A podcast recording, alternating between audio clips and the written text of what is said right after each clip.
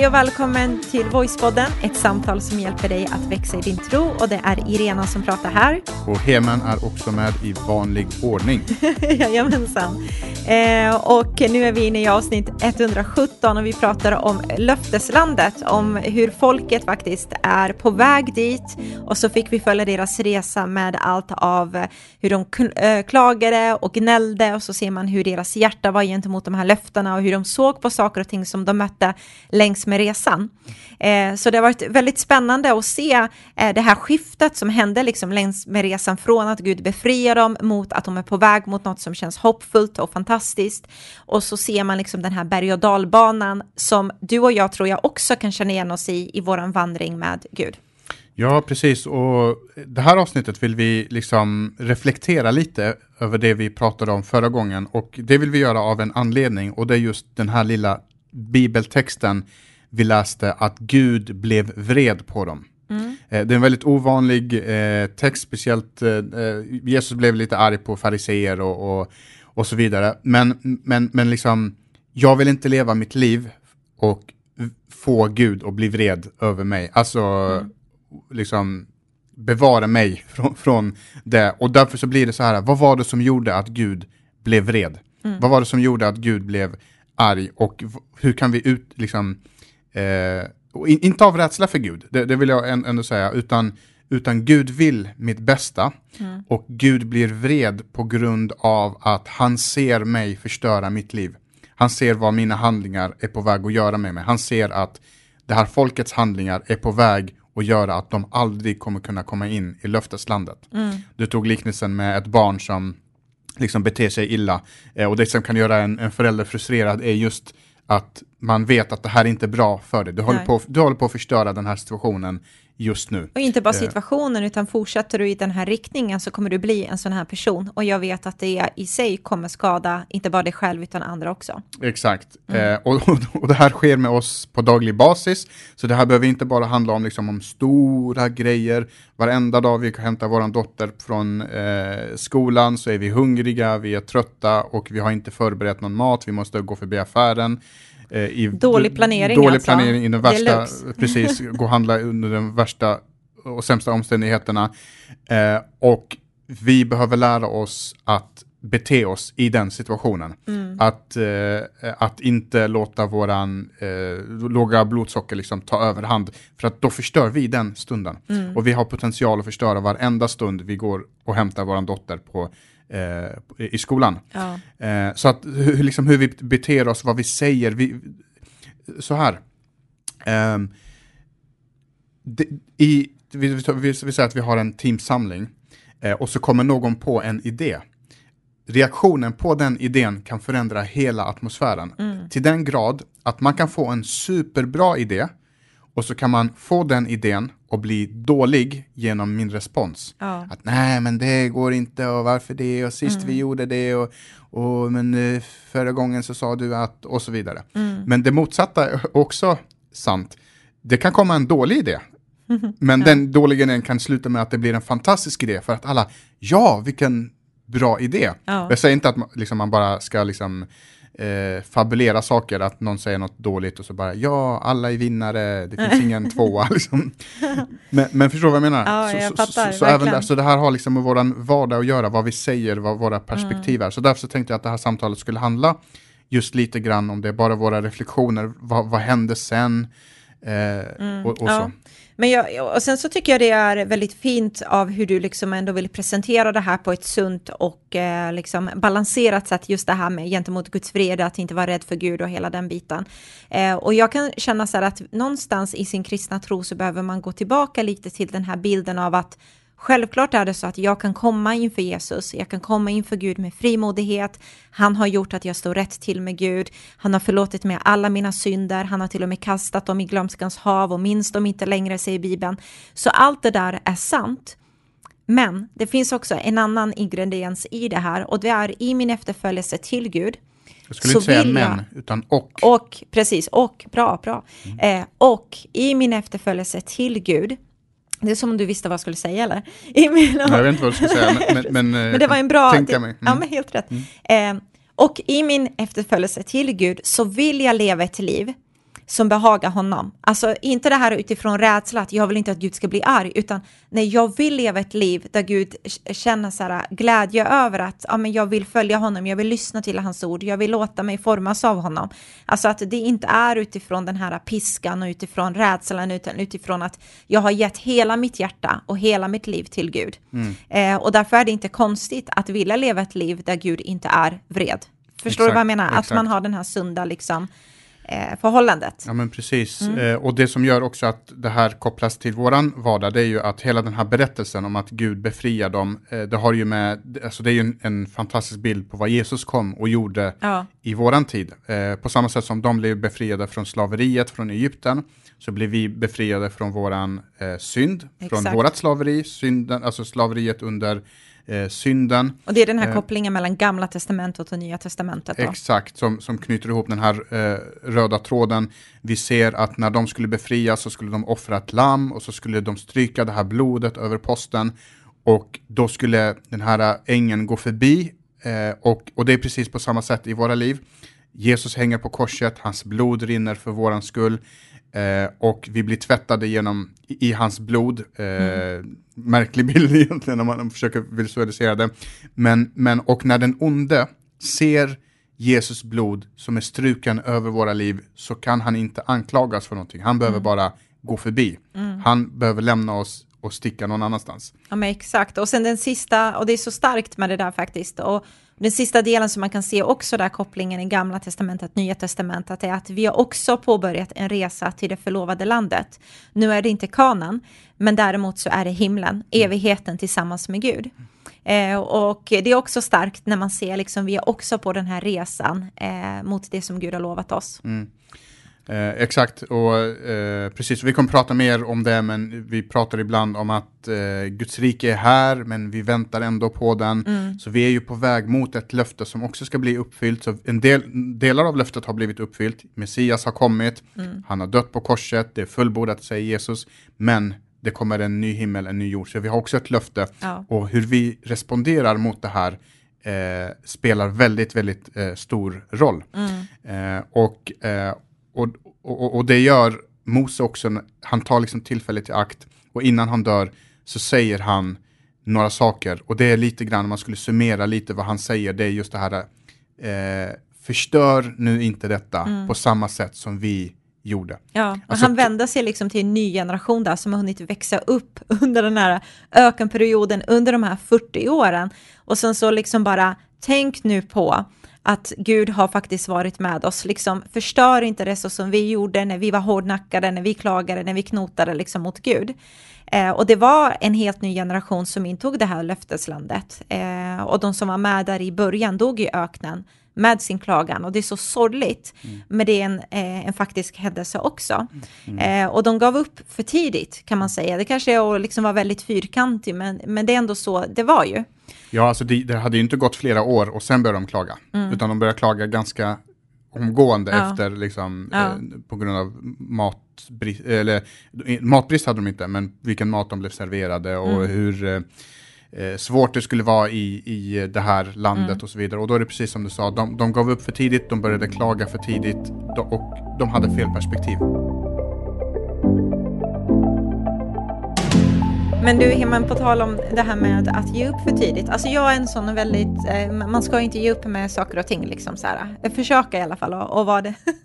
och eh, eh, vad tänkte på häromdagen, vad som hände för oss. För um, du har ju varit inne i uh, en process i att hitta den bästa kudden så att du kan sova gott.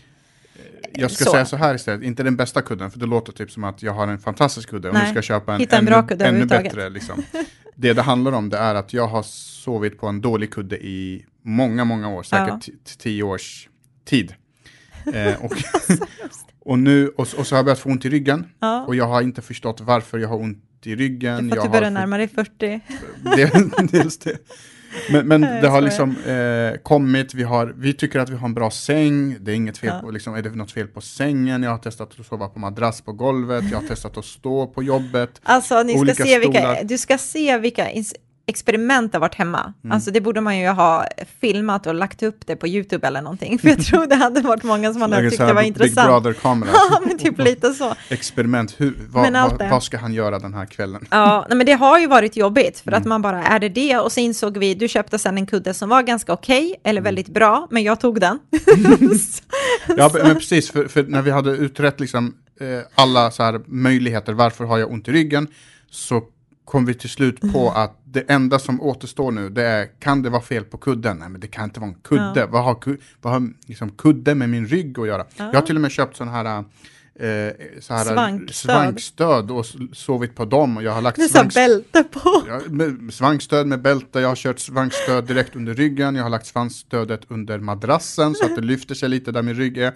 Jag har till och med gjort en egen konstruktion där jag har svankstödet under min t-shirt i ryggen. Så jag tänkte om jag vänder mig runt så ska det här svankstödet följa med. Liksom. Ja, då är det någon som lyssnar som bara, jag vet en sak, gå mm. till kiropraktor. ja, nej, det är för dyrt. Ehm, ja. Och till slut då så landade vi i att kan det vara så att det är kudden det är fel på? Ja. Så då googlar jag och sen så eh, hittar jag en bra kudde som jag tycker är bra och jag beställer den. Mm. Och det är en fantastisk kudde. Mm. Eh, och bara några dagar senare så försvinner min ryggont och det visar sig just att hur nacken, liksom, ja. eh, hur huvudet är placerat påverkar hur eh, liksom svank, svanken eh, mår.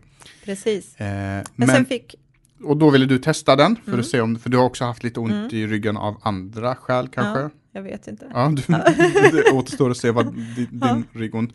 Men du lånade den för att testa den? Ja. Eller ska vi säga att du tog den? Det är nog mer sant, Och ja. att jag aldrig fick tillbaka den? Exakt.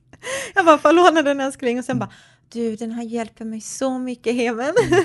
så nu är den hos mig, men mm. då har du varit på jakt i alla fall för att komma fram till den här storyn. Så har du varit på jakt efter en ny kudde. Ja, och jag kan aldrig se samma film två gånger. Nej, jag kan inte köpa samma kudd. Precis, jag kan inte äta samma mat två gånger. Jo, det kan jag så här eh, i värsta fall. eh, om jag är som egyptierna och är i öknen, då kan jag göra det. Ja, eh, men, eh, och då, då tänker jag, jag ska köpa vi ska köpa en till kudde, men mm. vi kan inte köpa samma kudde. Nej, nu, är, nu, nu, är min nyfikenhet alldeles ja. för liksom, uppe i varv. Du är inne i kuddsfären nu. Mm. Precis, och då vill jag testa något nytt, för nu har jag läst något nytt om någon ny kudde.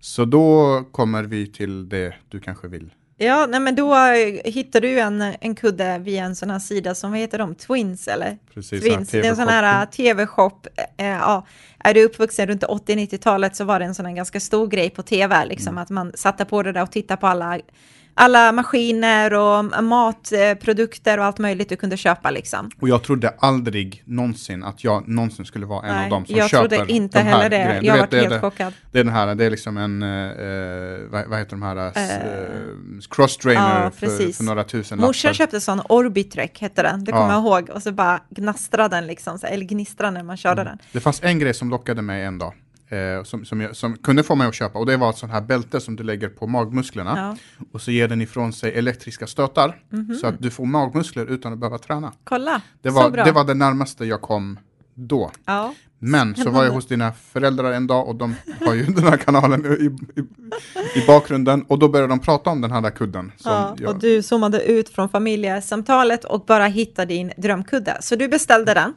Eh, och då vart vi så glada och bara yes, nu kommer kudden och eh, du liksom frågade varenda dag på riktigt, han gjorde det. Va, när, är kudden, när kommer kudden fram? Har du hört någonting mer? Har du fått notifieringar? När är kudden framme? Och så äntligen bara nu är kudden liksom beräknad i att komma den här dagen. Så det var liksom en torsdag säger vi här om det var det. Och då skulle kudden komma och sen så var vi hemma, för vi liksom eh, hämtade dottern, skulle käka lite hamburgare, du skulle laga lite eh, hemmagjorda hamburgare, vi var helt inne i det. Och så ringer din telefon. Eh, och då är det 08-nummer och så jag bara nej, en säljare, klockan är 17.30, jag orkar inte ta säljsamtal. Mm. Eh, det är säkert någon som ville sälja någonting så vi lät det vara. Och sen så du sa du tyckte att vi skulle låta det vara? Jag tyckte det, jag gjorde det faktiskt. Mm. Jag lät det vara eh, och så sa du, ja men kolla upp vem det är. Och så kollade jag upp och så var det Postnord och så tittar jag så ut. Jag springer, ja, tittar ut genom fönstret och så ser jag en stor skåpbil där Postnord blå står där utanför. Och du vet, du har varit, du har lidit så mycket med den här kudden och jag mm, bara kände... För att du tog min kudde. Exakt. Och jag kände, vi kan inte ge upp. Kudden är ju här, det är så nära, vi är så nära löfteslandet här. vi är så nära målet. Så vad jag gör, jag släpper allt slänger i mig dina skor, storlek 42 eller vad du har, jag storlek 37, och kutar ner med de här äh, båtar som jag har på mina fötter, ner tre trappor, och så springer jag ut från porten och så ser jag på riktigt hur den här blåa Postnord-bilen bara sakta så här, du vet, börjar åka förbi en, och man ser det, man bara, den är långt borta nu liksom. Mm. Så jag, vad jag gör är med all min personlighet som jag har och med min motivation och för att jag ger inte upp när jag väl har bestämt mig för en grej. Och för att det var ditt fel och för var... att du tog min kudde och det var ditt fel att vi inte svarade på det där telefonsamtalet. Det också. Så bara, jag måste liksom få tag i den här kudden, så jag springer allt vad jag kan. Och du, måste vet, ha sett ut som en clown med alltså stora... dina fötter, ja men precis, för skorna är ju så stora så jag måste lyfta upp fötterna, du vet mm. sådär högt för att det inte ska... Höga, höga knän. Höga knän, så jag springer kort som jag är med höga knän och viftar och skriker hej, vänta, vänta.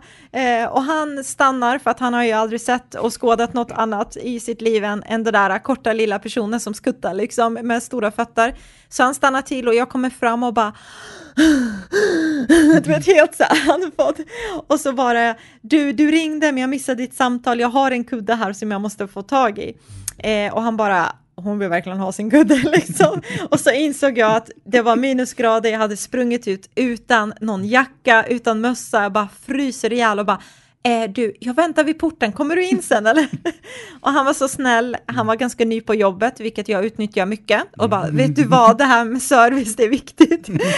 så han löste det, han kommer dit, promenerades efter fem minuter och eh, jag kommer upp där och ger dig din kudde. Mm. Och sen dess har vi levt lyckliga i alla våra dagar. Ja, det har funkat jättebra ja. för mig sen dess och jag är glad att du inte snubblade med mina eh, skor. Ja, exakt. Eh, men just det här då, hela den här tio minuters utläggning om Exakt, det här. Exakt, om kudden. Att inte ge upp. Mm. Liksom att livet kommer bli svårt, livet kommer bli tufft. Det här var en bagatell, det här är inte ens att livet är svårt. Nej. Men ibland så blir livet riktigt, riktigt svårt, riktigt mm. eländigt. Ibland räcker pengarna inte till i flera månader i sträck. Ibland så är man med om en olycka, någon går bort, eh, bilolycka, eh, vad som helst. Mm. Men att verkligen inte ge upp och verkligen lita på att Gud tar hand om en och att Gud har en plan och en tanke framöver. Allting som händer är inte Guds vilja. Nej. Det får man säga. Det är inte så att när någon eh, liksom, eh, blir sjuk blir, eller något sånt där. Precis, eh, att, att allt är Guds vilja eller när man hamnar i en olycka, att mm. det var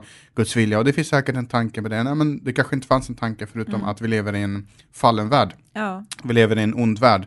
Men Gud har besegrat ondskan och han tar hand om oss. Ja, så är det. Och jag tror just det här att komma ihåg att vår respons till Gud är avgörande.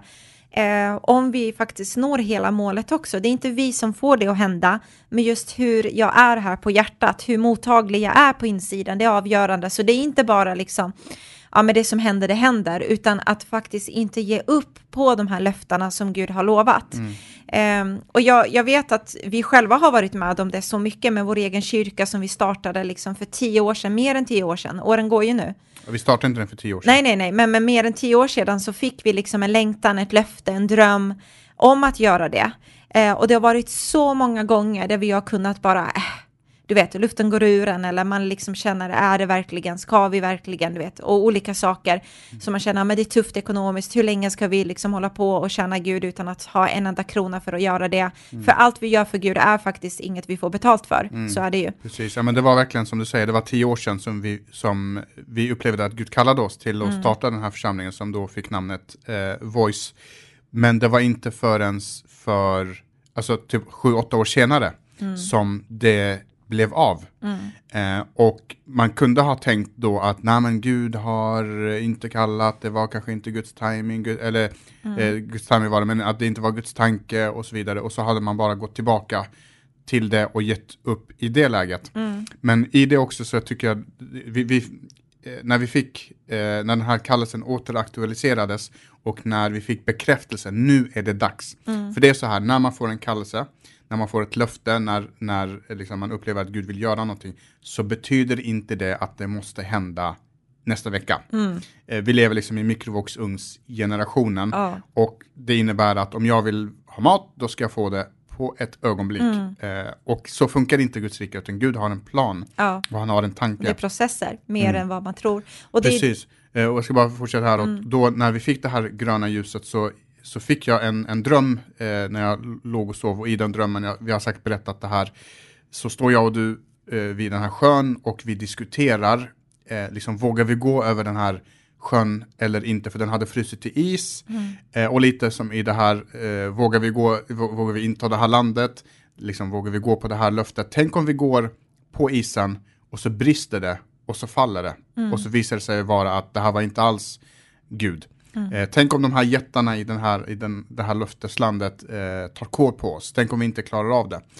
Och mitt i den här diskussionen så kliver Jesus in i bilden och så kommer han mellan oss och så tar han våra händer ungefär som en eh, förälder som ska gå med sina två barn över mm. gatan, liksom, eller en förskolelärare som ska göra det. Så tar han våra händer och så säger han Kom så går vi, med en väldigt tydlig och kärleksfull röst. Kom så går vi. Mm. Eh, och så säger han Jag kan inte garantera att isen kommer hålla i alla lägen. Men när isen brister, inte om den gör det, utan när isen brister så kommer jag visa er hur man går på vatten. Mm. Så kommer jag lära er att gå på vatten. Exakt. Um, och det är precis så det är när Gud ger ett löfte så är det inte ett löfte om att det kommer gå smärtfritt. Han kan inte garantera att det kommer vara perfekt alla lägen, att mm. ingenting ont kommer hända, att vi kommer aldrig lida, vi kommer aldrig eh, känna no någon kamp. Mm.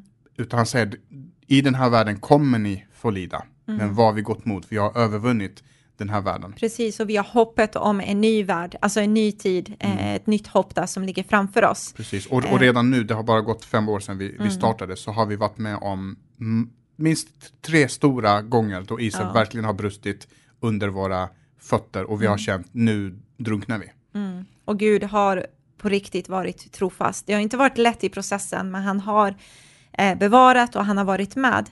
Och de här orden som Mose säger då till folket där är just det här att han påminner dem sen tidigare om vad Gud faktiskt har sagt. Han påminner dem om vad Gud har gjort tidigare i det förflutna och så uppmanar han dem lite med att men nu är det upp till er. Nu är det upp till er, den här nya generationen, att själva tro på och lyssna till Gud. Och kom ihåg liksom att ni är nu ett Guds folk, älska Herren din Gud, följ hans ord, eh, Gud kommer vara med er, likaså hans välsignelse om ni håller er till honom. Så han liksom refererar tillbaka till de här löftena som vi kan läsa om i femte Moseboken om hur Gud har bevarat och varit med sitt folk och så vidare. Och när Mose dör så efterträds han då av Josua och det är under hans ledning som israeliterna äntligen då kommer in i kanan. Och Gud säger till Josua, för han vet om hur vi människor också är, nu han har kommit in i löfteslandet, Eh, just om den här verkligheten att stå fast nu när du är mm. här. Mm. I Josua kapitel 1 och vers 9 så säger Gud, jag har befallt dig att vara stark och modig, bli aldrig rädd eller förskräckt. Varför? För att Herren din Gud ska vara med dig vart du än går. Mm. Och det är här fokuset igen, att när vi är i det som Gud har sagt, i det som Gud har lovat, så är det inte så att vi ska uppehålla det i vår egen styrka, kraft och förmåga, utan just Herren är med mig så jag behöver inte känna rädsla. Herren är med mig så att jag behöver inte känna ångest inför framtiden. Herren är med mig så jag kan känna frid och veta att Gud, jag har ingen aning om hur det kommer bli med plugget, med hemmet, med ekonomin, med, med räntorna, med eh, all krig runt omkring. Men du, Herre, är ändå med mig. Mm. Alltså att det någonstans så finns det en djupare trygghet och en bas i våra liv mm. som faktiskt är större än det vi möter. Mm.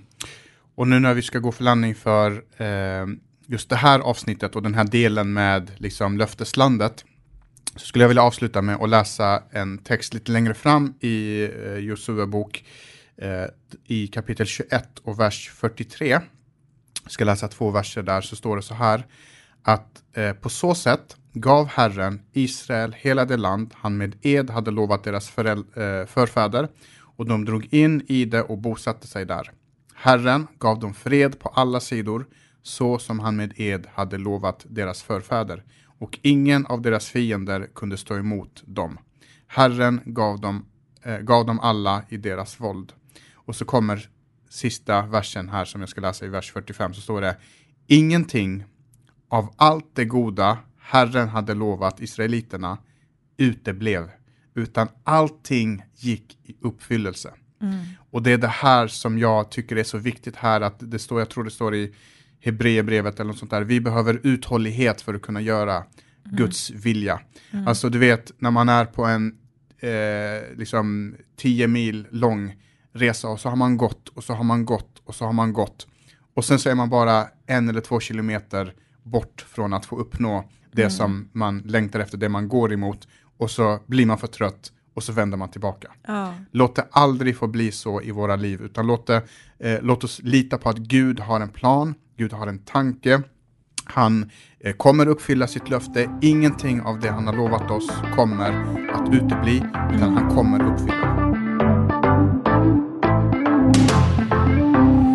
Så tack för att du lyssnade till det här avsnittet och eh, skulle bara vilja skicka med eh, till dig också att likt Josua och Kaleb så fortsätt du också att lita på Gud och stå fast vid hans löften. Låt inte varken rädsla eller tvivel eller klagan eh, eller något annat hindra dig från att springa mot det som Gud har sagt eh, ska, ska gälla oss. Liksom. Mm. Eh, Gud är verkligen trofast. Så Eh, tack för att du lyssnar. Vi hoppas att det här gav dig hopp, men gav dig också liksom nya perspektiv på din egen resa tillsammans med Jesus.